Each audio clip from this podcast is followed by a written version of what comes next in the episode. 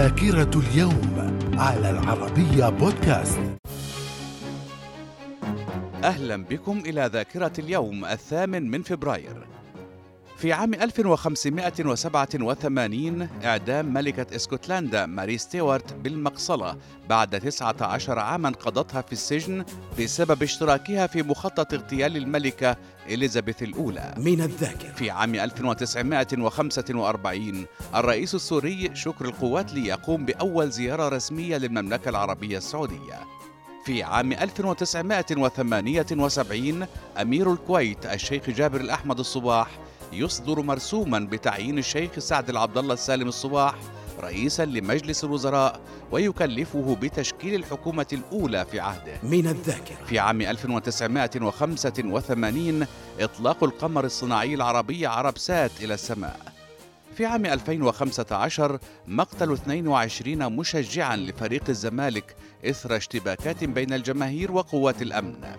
في عام 2015 منتخب ساحل العاج يحرز كأس الأمم الأفريقية بعد فوزه على منتخب غانا في المباراة النهائية. من الذاكرة. في عام 2016 المملكة العربية السعودية تعلن عزمها القيام بمناورات تدريبية تحمل عنوان مناورات رعد الشمال على الحدود الشمالية بمشاركة عدة دول عربية وإسلامية.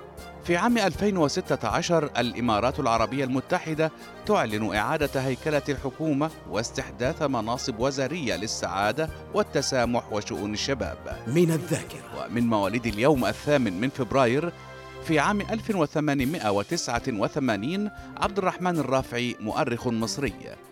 في عام 1918 حسين الشافعي نائب رئيس الجمهورية في مصر. في عام 1990 ياسين إبراهيمي لاعب كرة قدم جزائري. من الذاكرة. ومن وفيات اليوم الثامن من فبراير في عام 1587 ماري ستيوارت ملكة إسكتلندا.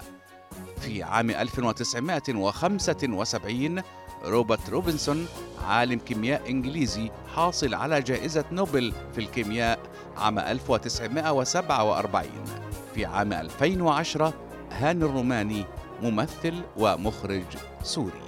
إلى اللقاء.